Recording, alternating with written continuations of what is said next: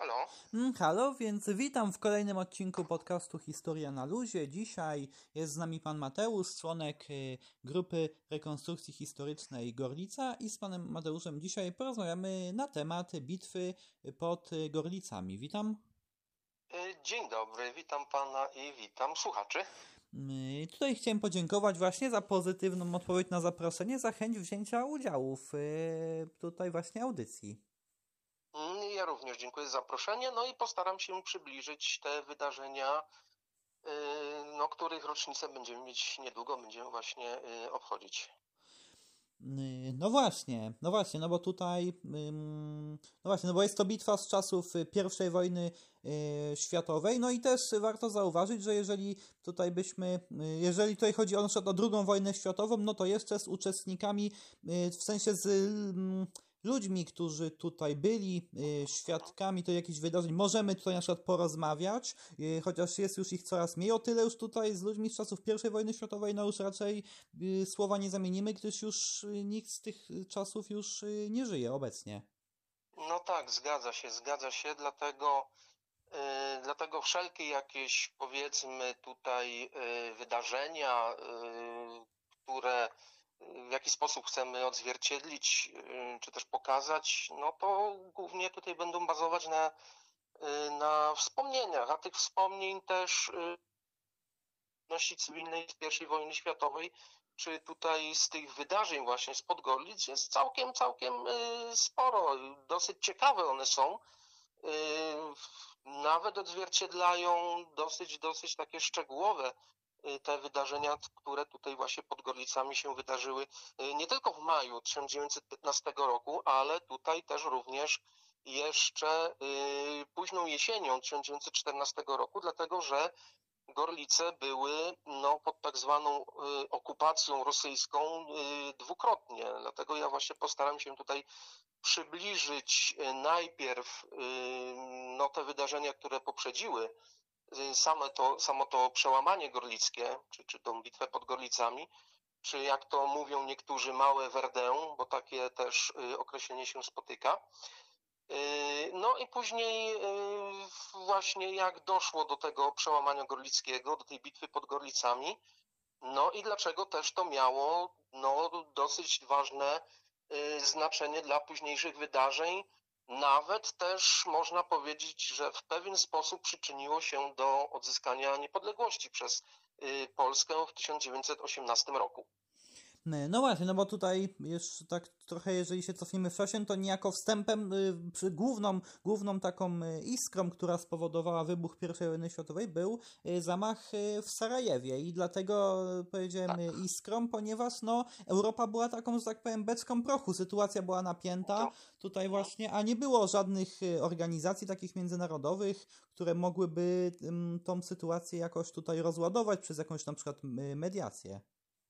Mhm, dokładnie. To właściwie to, że dojdzie do jakiegoś konfliktu większego y, na początku XX wieku, to już y, wiedziano. Nie było tutaj żadnych wątpliwości. Właściwie czekano tylko na jakiś pretekst. No i tym doskonałym pretekstem właśnie y, były wydarzenia w Sarajewie. Y, 28 czerwca 1914 roku dochodzi do zamachu. Ginie z rąk serbskiego nacjonalisty arcyksiąże Ferdynand. No i właśnie to jest taki punkt zwrotny. Y, Właściwie można powiedzieć, że to jest y, może nie bezpośredni już początek y, wybuchu I wojny światowej, ale to jest właśnie ten przyczynek, główny przyczynek do tego, że y, no, te państwa, wszystkie państwa tutaj tworzą, może nie wszystkie, ale y, tworzą ze sobą po prostu koalicję, tak, i No i dochodzi do, do, y, dochodzi do y, konfliktu i do pierwszych, do pierwszych starć y, na, na froncie.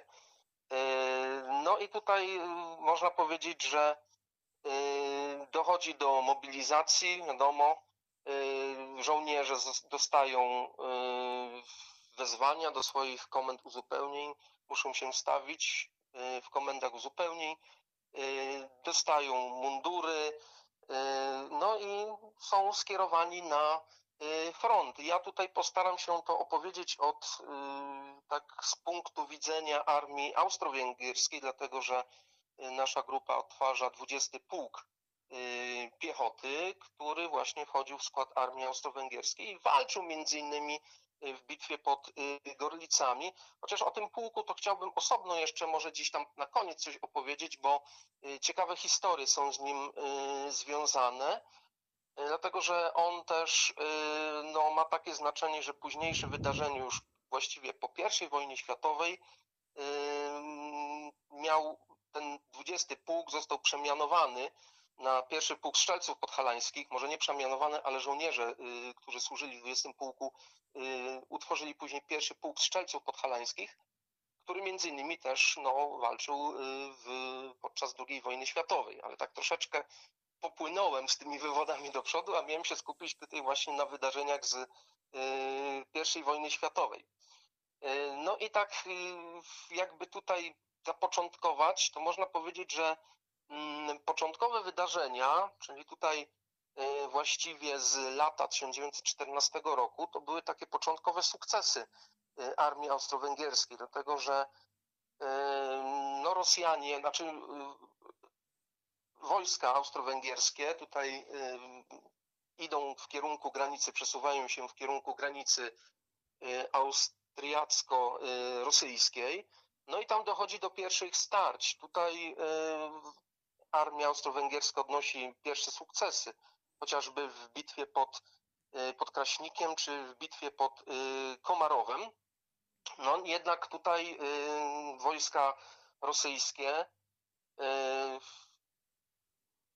dokonują kontrofensywy, no i wojska austriackie muszą się niestety y, cofać. Cofają się coraz bardziej na zachód, y, no i dochodzi do niebezpieczeństwa, że y, jeżeli będą się cofać coraz bardziej, coraz bardziej, no to niestety, ale będzie zagrożona tutaj twierdza Kraków. No ale Austriakom udało się Y, dokonać y, obrony, dokonać y, też kontrofensywy. Kraków został obroniony i tutaj w, na przykład w bitwie, to był właściwie listopad 1914 roku i wydarzenia też jeszcze z grudnia 1914 roku, gdzie miała też dosyć krwawa bitwa koło Limanowej, właściwie na odcinku Limanowa i Łapanów. Tutaj też w tej bitwie miał udział pierwszy pułk Legionów Polskich. To też jest warte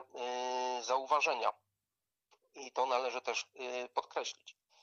No i tutaj y, wiadomo, Gorlice były w zaborze mm, austriackim, więc gdy te wydarzenia z początku, tutaj z lata 1914 roku, te pierwsze sukcesy, które tam Austriacy Y, odnoszą y, w, tutaj na granicy z zaborem carskim, no to Gorlice, w Gorlicach stacjonują właściwie Austriacy. Później ten front, tak jak wspomniałem wcześniej, przesunął się z powrotem na zachód, bo Austriacy po prostu zostali wypchnięci przez Rosjan.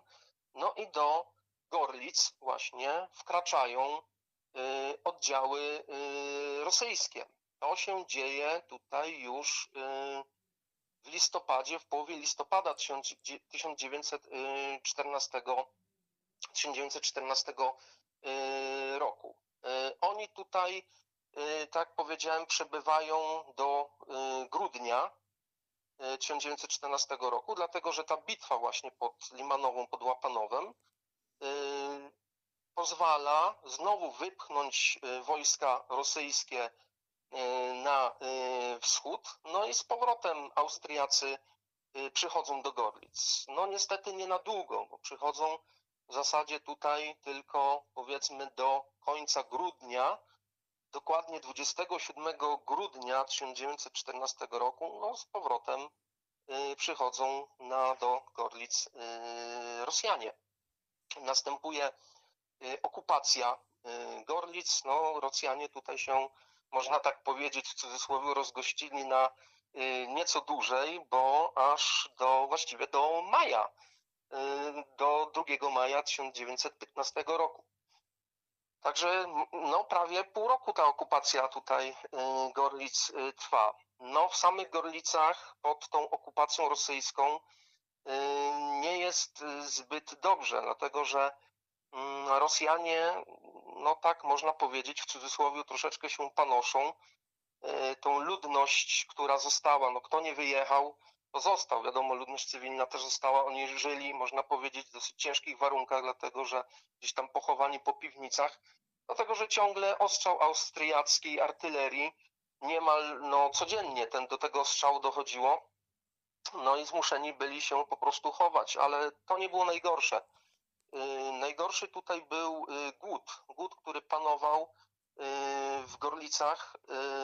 Częsty też ostrzał artylerii austriackiej powodował, że ginęła po prostu ludność cywilna i, i często ten ostrzał był na tyle silny, że y, no, zwłoki po prostu nie było jak y, pochować i te zwłoki często albo chowano gdzieś w podwórzach domów, czego starano się najczęściej unikać, by no, nie doprowadziło to do jakiejś y, epidemii, albo po prostu gdzieś te zwłoki no, leżały też niepochowane. No i przy okazji właśnie tej okupacji rosyjskiej w Gorlicach, tu należy wspomnieć y, postać y, księdza Świejkowskiego, który no, jest taką postacią znaną nie tylko w Gorlicach, bo on bardzo, bardzo starał się dbać o tą ludność cywilną i to zasłużył się na przykład tym, że on organizował jakby powiedzieć, pomoc humanitarną, tak, na ówczesne czasy takie popularne e, stwierdzenie, pomoc humanitarną e, dla tych e, mieszkańców. I tutaj, gdy na przykład zapasy się wyczerpywały, albo gdy gdzieś uległy zniszczeniu, no to on zabiegał o to, by uzyskiwać na przykład dostawy żywności z miejscowości położonych bardziej na wschód od Gorlic, ale ciągle będących pod tą okupacją rosyjską. Czyli tutaj na przykład organizował dostawy żywności z Jasła i Biecza, dokąd często nawet sam y, osobiście y, jeździł. Na przykład, no wiadomo, na ówczesne czasy nie było y, tak dostępnych automobili, tylko wozami konnymi to musiano dostarczyć. I on osobiście na przykład często jeździł na przykład po mąkę do Jasła, czy też, czy też do Biecza. A w swoim biurze, na przykład w Gorlicach, no to on, y, czy też w sypialni na przykład urządził y, tak zwany sklep miejski. Sam się przeniósł, nie mieszkał w tym swoim mieszkaniu, tylko on się przeniósł do zniszczonego, zniszczonego domu. Także y, podczas no, tych tutaj miesięcy zimowych i, i wiosennych, kiedy Rosjanie są w Gorlicach, no ta sytuacja no, nie wygląda nie wygląda ciekawie. Tym bardziej, że e, Rosjanie no, tutaj prowadzą taki terror, można powiedzieć, wśród ludności cywilnej, bo e, próbują się gdzieś dopatrywać szpiegów, no i często, może nie często, to, to jest zbyt wygórowane słowo, ale bywały sytuacje, że no po prostu kogoś, kto był gdzieś podejrzany o, o szpiegostwo, no to rozstrzeliwano. Dochodziło do takich sytuacji, aczkolwiek właśnie tak wspomniałem wcześniej, ten ksiądz Świejkowski, on starał się y, tą ludność jednak jakoś y, wybronić. Czyli tutaj y, można powiedzieć, że mm, od końca grudnia, czyli tak ta data, którą wspomniałem wcześniej, czyli 27 grudzień do 2 maja 1915 roku, oczywiście 27 grudzień, to tutaj mam na myśli rok jeszcze 1914, czyli do 2 maja 1915 roku mamy tak zwaną wojnę y, pozycyjną, wojnę okopową, czyli y, obydwie strony konfliktu y, zalegają w okopach, dochodzi do wojny pozycyjnej. Właściwie próbowano przełamywać front wielokrotnie, no nie udawało się to, nie udawało się ze względu po prostu na czasami i na warunki mm, terenowe, czasami zbyt małą y, siłę, można tak powiedzieć, siłę przebicia. Y, no i tutaj trzeba jeszcze wspomnieć o tym, że y, o twierdzy Przemyśl, twierdza Przemyśl, która jest oblężona przez wojska rosyjskie, tam się garnizon austriacki broni. I w marcu 1915 roku dochodzi do próby przełamania frontu pod Gorlicami, yy, dlatego żeby przyjść z pomocą oblężonej twierdzy Przemyśl. No niestety, nie udaje się to. No, próbu, tutaj dochodzi do prób przełamania frontu yy, pod Sękową między innymi. Tutaj yy, oddziały niemieckie atakują. Ewentualnie jeszcze na północ od Gorlic w kierunku Moszczenicy. Tutaj na przykład znowu austro-węgierscy żołnierze też próbują przełamać front. Niestety nie udaje się to, no i twierdza Przemyśl z powodu niepowodzenia tego przełamania frontu niestety musi skapitulować. No i cóż tutaj dowództwo austro-węgierskie może zrobić? Mm, pomyślano, że mm, można by było ewentualnie y, poprosić o pomoc y, armię y, pruską. I w tym celu właśnie austriacki szef sztabu, generał Hetzendorf, dostrzegł właśnie tutaj, że mm, większość sił rosyjskich, które tutaj w rejonie Karpat przebywa, oni mieli tutaj siłę około y, trzech armii. I o, te wojska rosyjskie, one, one były głównie skoncentrowane w głębi gór, ewentualnie gdzieś na południu.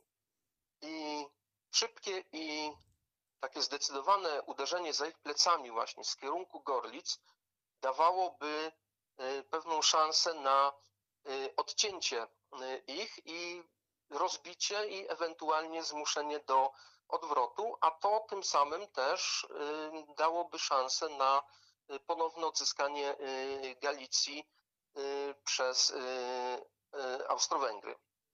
No i taki plan, z takim planem udał się między innymi do Berlina, prosząc właśnie o wsparcie armii pruskiej. No i cóż się stało dalej? E, niemiecki szef, e, niemiecki sztab e, generalny właściwie skupiał całą swoją uwagę na zachodzie. Wiemy te wydarzenia z frontu zachodniego, również mamy tam do czynienia z wojną pozycyjną. Każdy przecież zna taką nazwę przecież jak Verdun. Wiemy, że dochodziło do, do, do bardzo ostrych starć i też właściwie na dłuższą metę te walki jakiegoś większego rozstrzygnięcia nie, y, nie dawały. Y, no i tutaj przy, armia pruska przyszła z pomocą armii austro-węgierskiej, dlatego że z frontu zachodniego ściągnięto doborowe oddziały niemieckie tutaj pod Gorlicę już w kwietniu 1915 roku one, te transporty z żołnierzami przyjechały, y, znaczy żołnierze przyjechali, może tak to ujmę, żołnierze przyjechali y, w wagonach y, kolejowych, oczywiście również z artylerią. I dwie armie austriackie, które tutaj w rejonie Gorlic stacjonowały, to była trzecia i czwarta armia i między tą trzecią i czwartą armię, y, trzecia armia, może powiem jeszcze tak słowem wyjaśnienia, ona y, na południe od Gorlic przebywała, a czwarta armia, czy czwartą armię przesunięto delikatnie na północ. I między tą trzecią i czwartą armię właśnie tutaj utworzono tą jedenastą armię niemiecką, która właśnie przybyła, czy ci żołnierze pruscy, którzy przybyli z frontu y, zachodniego. Oni byli już wprawieni w bojach, doświadczeni, no i dlatego sądzono, że y, będą mieć na pewno jakiś zdecydowany wpływ na, y, na te wydarzenia późniejsze i na pewno mm, no, dojdzie do tego przełamania. Y, ta jedenasta armia, która tutaj została utworzona, to była formacja no, tak składająca się z około 130 tysięcy żołnierzy, No i oni mieli dosyć imponującą siłę artylerii swojej, bo ponad 600 dział, w tym około 150 ciężkich. Do tego jeszcze moździerze i no i ponad 200, z tego co pamiętam, coś ponad 250 chyba karabinów y, maszynowych. Y, nimi dowodził y, niemiecki generał August von Mackensen, tak zwany żelazny generał, też na niego mówiono, a w ogóle na te oddziały, które później właśnie tutaj przełamały front pod Gorlicami, właśnie mówiono żelazna falanga Mackensena, z tego względu, że no właśnie dokonali tego przełamania i, i ten sukces tutaj nastąpił właśnie w przełamaniu gorlickim. Y, no i co tutaj się dzieje w dalszym y, ciągu? Temu generałowi Mackensenowi również tutaj dano pod dowództwo te wcześniejsze armie austriackie, które wspomniałem, czyli trzecią i czwartą armię. I cały tutaj odcinek frontu, może nie cały, ale ten główny odcinek frontu, na którym miało dojść do przełamania, on miał taką długość około 30, no różnie się w źródłach spotyka, niektórzy mówią około 30, 33, 35 kilometrów. E, natomiast e, no, po drugiej stronie jakby powiedzieć, barykady, czyli stronę, stronę rosyjską, tutaj y, prezentował, prezentowała trzecia armia. Trzecia armia generała Radko Dimitrijewa. Y, no i tutaj oni, niestety Rosjanie, ale już takiej siły ognia, jaką prezentowała y, strona Y, austro-węgierska i czy też pruska, no niestety już tej takiej siły ognia nie miała. Ta trzecia armia wprawdzie była najsilniejsza na całym froncie i liczyła ponad 200 tysięcy żołnierzy i też no, uzbrojenie w postaci ponad 600 dział, jednak ta armia była dosyć rozproszona, to znaczy ona była rozciągnięta od y, brzegów Wisły aż po prostu po y, Bieszczady. Przy czym, tak jak wcześniej wspomniałem, y, większość tych żołnierzy tkwiła no, po drugiej stronie gór i, i oni swoje jakby siły skierowali bardziej tam w kierunku Węgier. Sam dowódca tej trzeciej armii, generał Radko Dimitriew, no to był no, doświadczonym wojakiem. On zresztą z pochodzenia był Bułgarem.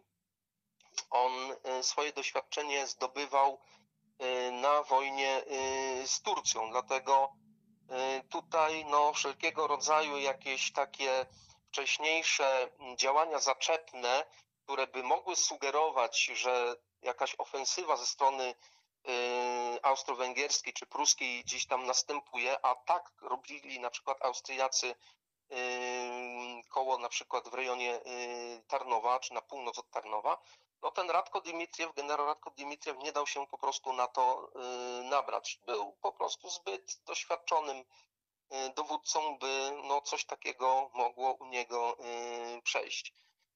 No i tutaj można powiedzieć, że właściwie od końca kwietnia artyleria Mm, austro-węgierska i pruska już się wstrzeliwuje w te pozycje y, rosyjskie.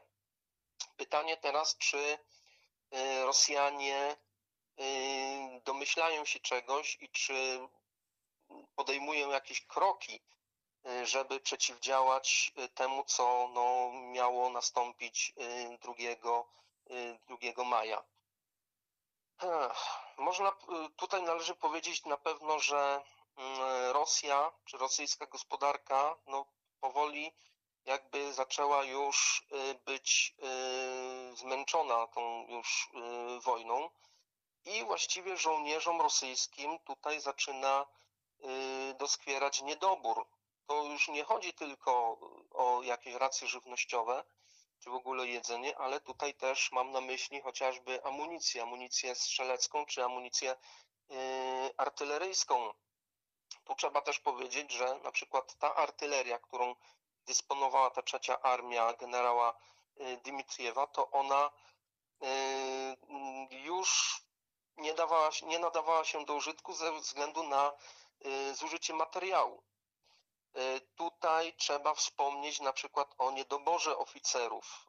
No i te braki starano się nadrabiać na przykład podoficerami.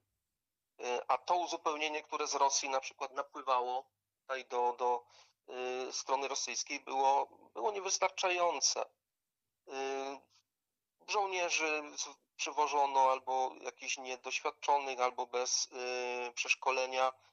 I oni wprost trafiali po prostu do okopów. Tutaj jedynym plusem, taką mocną stroną strony rosyjskiej było to, że oni dosyć mocno się okopali, czyli mieli dosyć mocny system umocnień.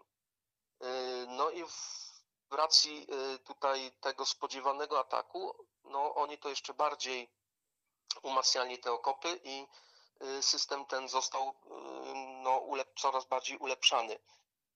To przede wszystkim, jeżeli chodzi o to system umocnień rosyjskich, to były rowy strzeleckie, tak, w taki sposób skonstruowane, by po prostu się flankować ogniem, by można się było wzajemnie tym ogniem właśnie wspierać. Przed okopami były zapory z drutu kolczastego, no i co ciekawe, też na niektórych odcinkach frontu też były i pola minowe. A w rejonie Gorlic jeszcze dodatkowo taką przeszkodą budowaną przez Rosjan były tak zwane fugasy.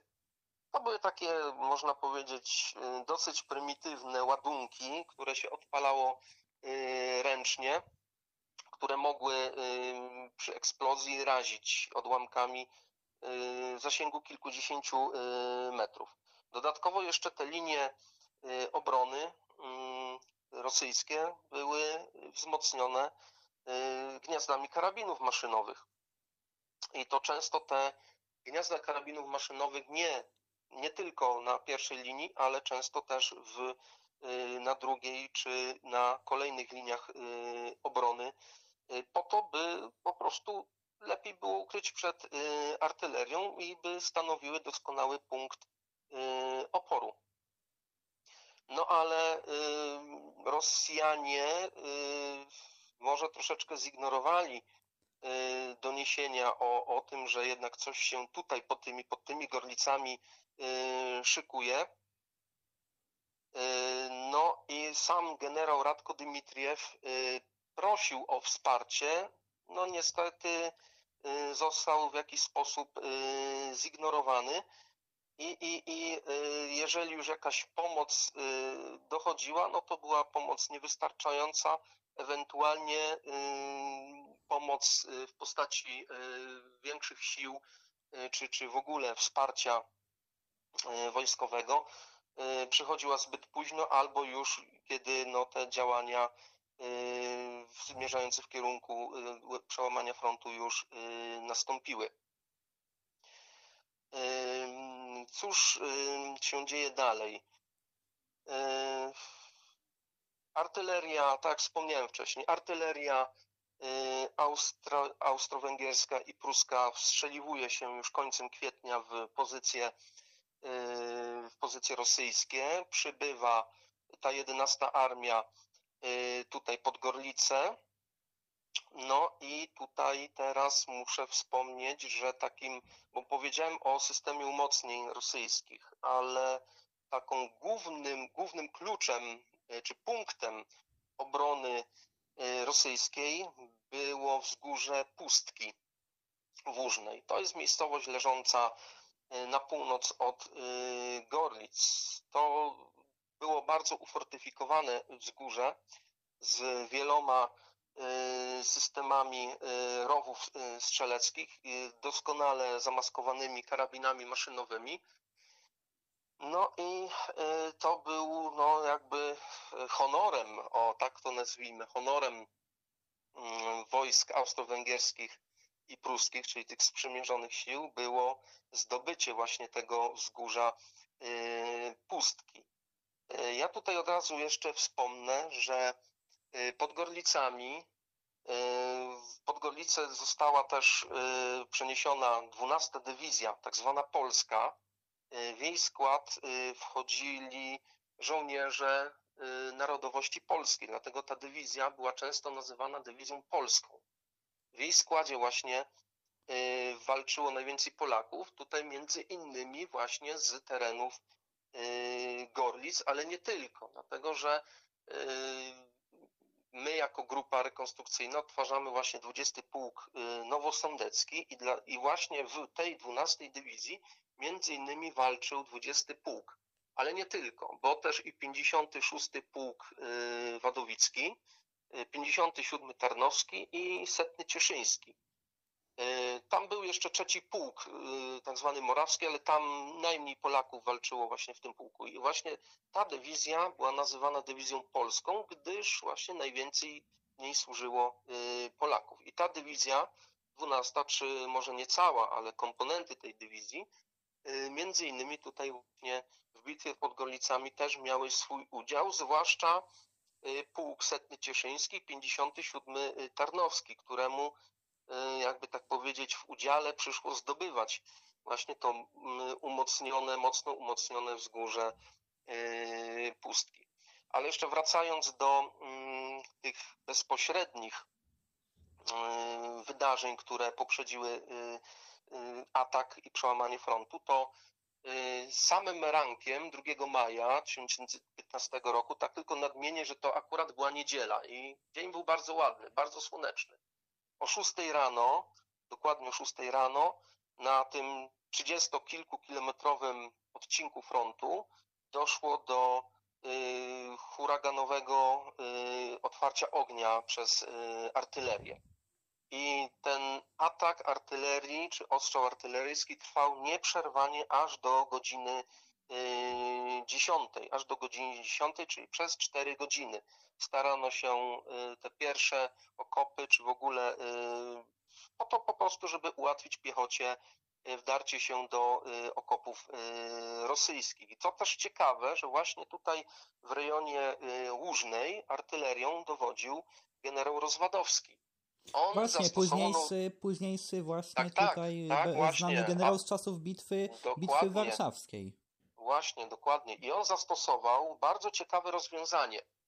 Y, to się w języku niemieckim nazywa y, Feuerwalze. To znaczy, że przed atakującą piechotą y, po prostu artyleria jakby okłada ogniem nieprzyjaciela.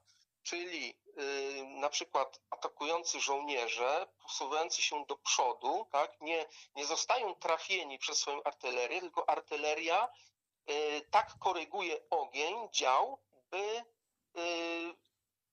po prostu atakować y, przeciwnika y, przed y, swoją piechotą, która postępuje naprzód. Czyli tak, tak jakby powiedzieć w postaci takiego, takiego walca. I sam Rozwadowski padł na ten pomysł, że na przykład o ile o 6 rano wszystkie działa otworzyły ogień, czyli i mniejszy kaliber, i cięższy kaliber, Y, o tyle mm, tuż przed samym atakiem piechoty kazał przenieść ogień y, dział większego kalibru, czyli tutaj na przykład 210 y, mm, ogień tych dział kazał przenieść nieco dalej na pozycje rosyjskie po to, żeby po prostu odłamki nie raziły piechurów, którzy będą, piechoty austro-węgierskiej i pruskiej, którzy będą wdzierać się do okopów rosyjskich. Mm, I y, tak samo tutaj jeszcze o jednej postaci muszę wspomnieć przy okazji y, zdobywania wzgórza pustki, generał Latinik, który był y, dowódcą właśnie tego setnego pułku cieszyńskiego polskiego. Też generał, który się wsławił później też w bitwie warszawskiej. W ogóle tutaj, jeżeli chodzi o wojnę polsko-bolszewicką. Jeszcze wspomnę o tym 56. Pułku Wadowickim, bo tutaj są takie kontrowersje, że Wadowicki pułk to od razu nam się kojarzy, wiadomo, z Wadowicami i z Janem Pawłem II. Faktem jest, że w tym pułku służył ojciec naszego papieża Jana Pawła II, zresztą notabene też nosił imię Karol.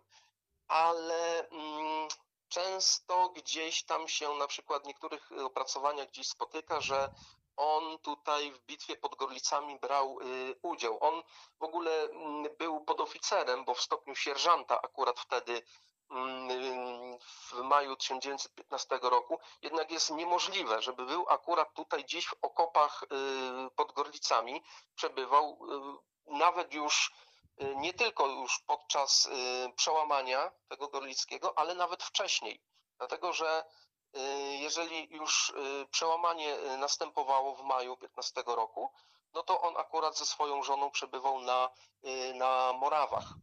A nie mógł też w okopach pod Gorlicami przebywać jako no, żołnierz takiej służby tej liniowej, dlatego że on się zajmował zaopatrzeniem, więc no, w pierwszej linii w okopach nie za bardzo mógł yy, przebywać.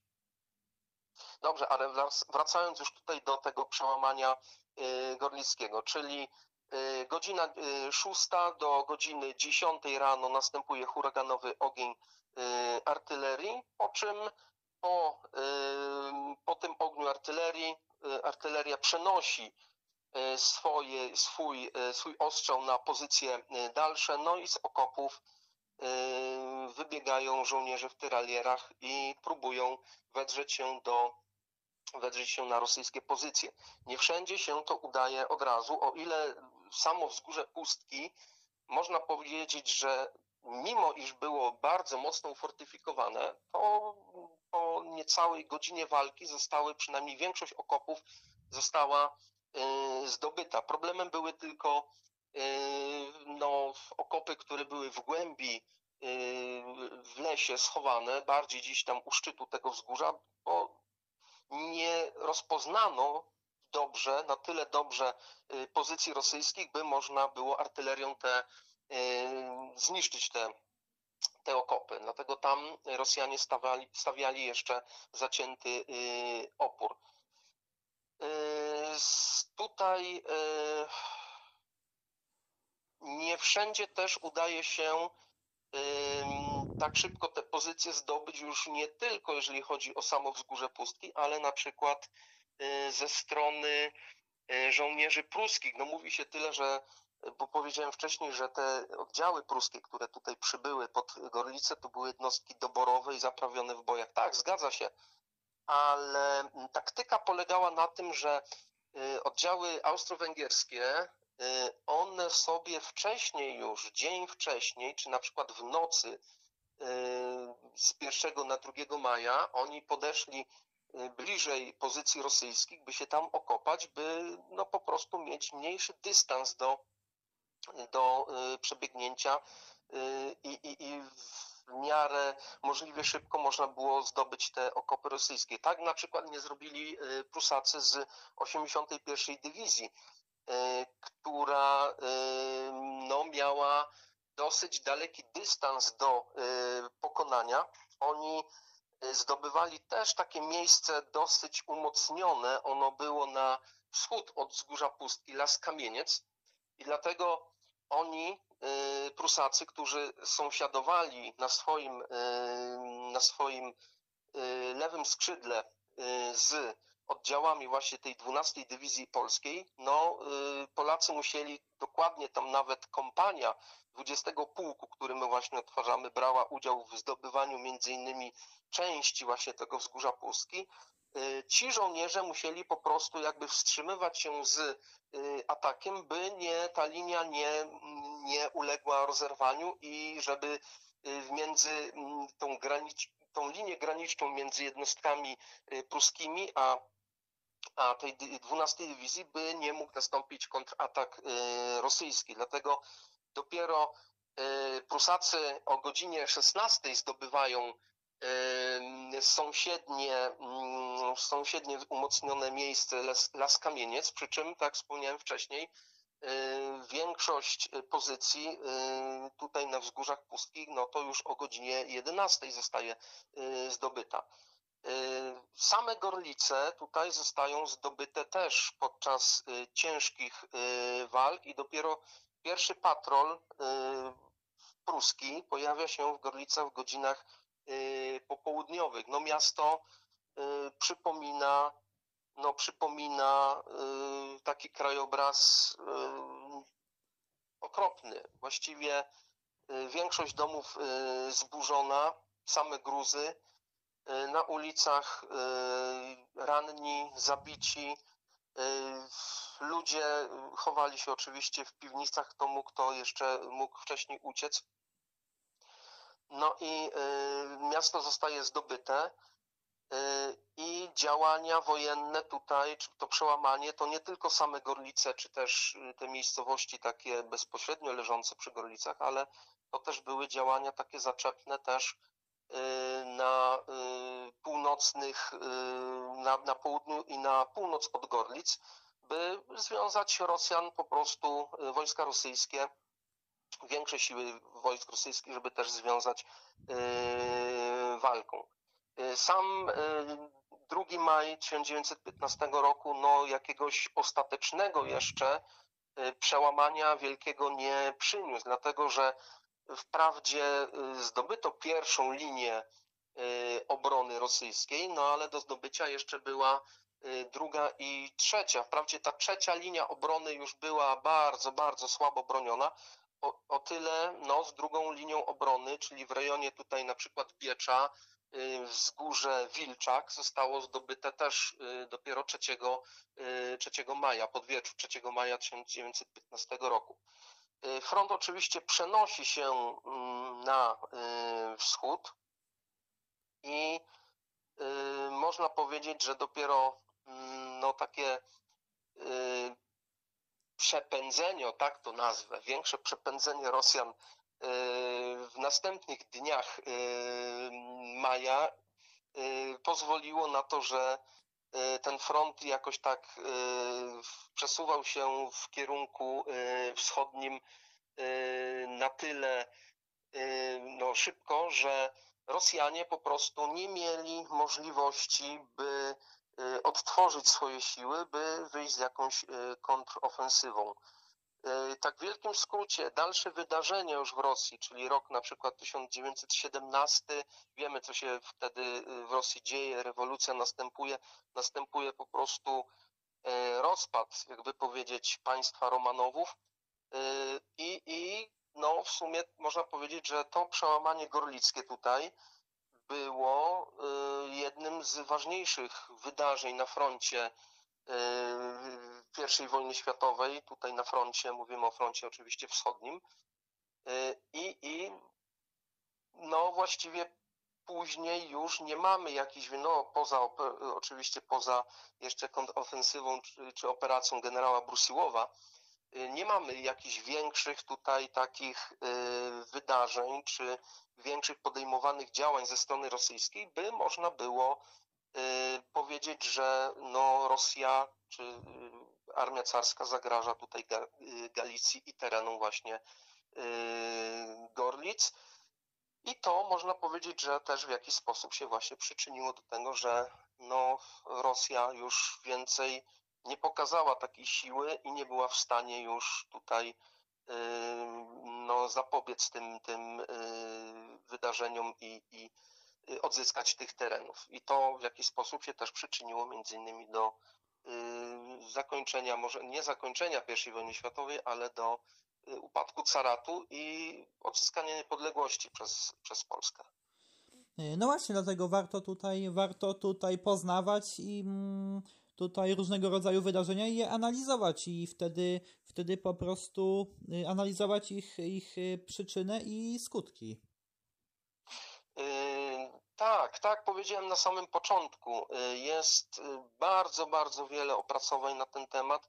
Już tutaj od jakichś bardziej takich naukowych po jakieś wspomnienia, gdzie naprawdę, naprawdę bardzo, bardzo wiele ciekawych informacji można się Y, doszukać.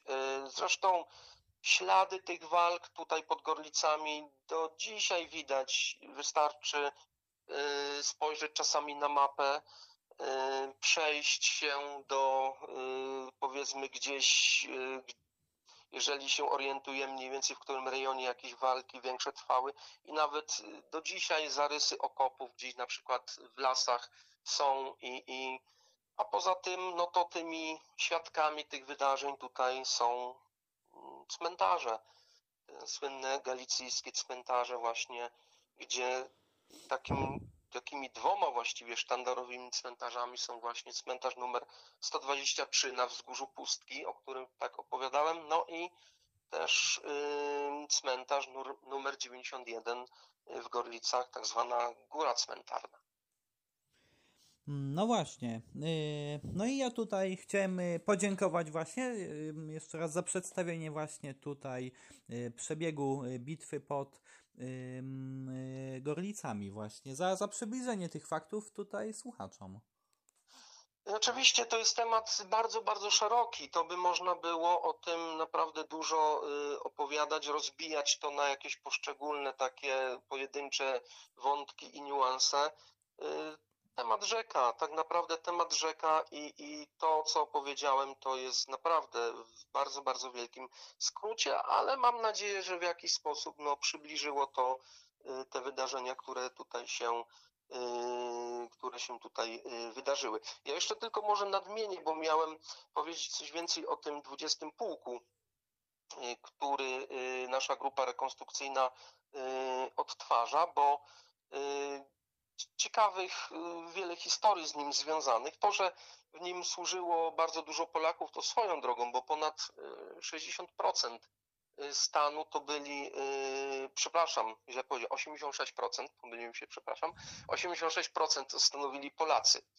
Y, I ten pułk tutaj rekrutował właśnie między innymi y, żołnierzy z terenu y, nie tylko Gorlic, ale tutaj i Zakopanego, y, Limanowej, y, Nowego Targu i często właśnie, znaczy w ogóle na ten pułk mówiono Cwancyngierzy, dlatego że no 20 w języku niemieckim to jest Cwancyś, stąd Cwancyngierzy. Y, No i to trzeba nadmienić, że żołnierze tego pułku byli rzucani na najtrudniejsze odcinki frontu, dlatego że y, sporo żołnierzy służących w tym pułku to byli po prostu górale, a wiemy, y, jacy z charakteru są górale, twardzi, tak, i, i mają swój charakter. Y, Stąd właśnie żołnierze 20 Pułku odznaczali się y, odwagą na y, placu boju. Y, Żołnierze 20 Pułku służyli nie tylko tutaj w Galicji czy na froncie wschodnim, bo też i na froncie południowym y, we Włoszech. Walczyli też we Włoszech i co jest ciekawe, z frontu włoskiego, wojna już się miała ku y, końcowi, żołnierze wrócili pociągiem do Nowego Sącza y, z uzbrojeniem, z karabinami maszynowymi, a nawet z końmi. Y, Po drodze oczywiście próbowano zatrzymać ten transport, jednak ustawione karabiny maszynowe na platformach wagonów, no w cudzysłowie, przekonywały tych, którzy stanęli na drodze, tym żołnierzom, by no jednak z nimi nie, nie zadzierać. No i, i to, co powiedziałem też na samym początku. Właśnie ci żołnierze, którzy przybyli do Nowego Sącza y, w listopadzie 1918 roku, właśnie z tym pełnym uzbrojeniem, oni później dali podwaliny pod y, pierwszy pułk y, strzec- strzelców podhalańskich. Mm, No tak, zgadza się. No i no właśnie, dlatego, dlatego tutaj właśnie śledząc tutaj właśnie przeszłość, no to właśnie wtedy też y, możemy bardziej zrozumieć y, naszą y, teraźniejszość, chociaż jest to tutaj przeszłość odległa, niemniej jednak ma ona wpływ tutaj na czasy późniejsze.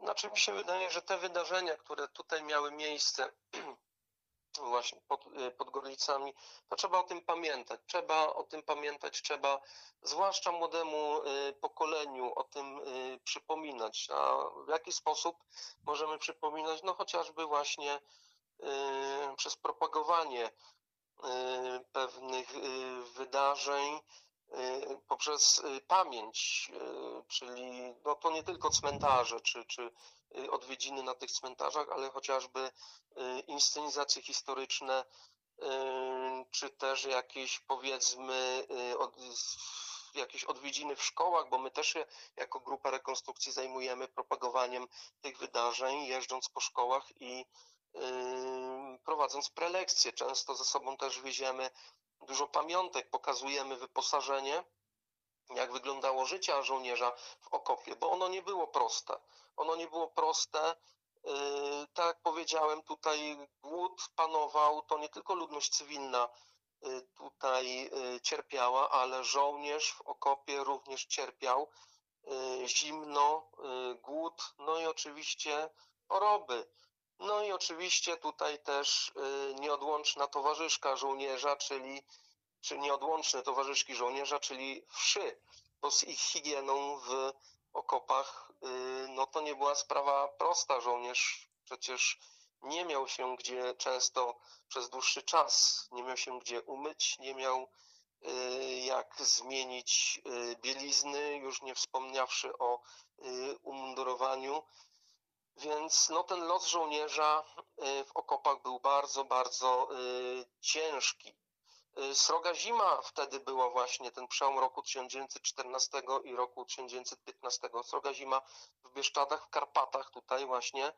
Y, A mimo to y, strony obydwie konfliktu próbowały y, nawzajem się atakować, by ten front y, przełamać. Także to są naprawdę bardzo, bardzo wielkie y, tragedie no, prostych, prostych ludzi, bo żołnierz ten taki tak zwany manschaft, czyli żołnierz szeregowy, no to nie był ktoś y, często wykształcony. To były osoby często y, umiejące czytać i pisać, ale nie znające tak na dobrą sprawę na tyle dobrze ortografii, że jak się czyta nieraz y, wspomnienia bądź jakieś listy y, tych, tych żołnierzy do rodzin, no to są to y, zapiski często sporządzane w tak zwanym brzmieniu fonetycznym.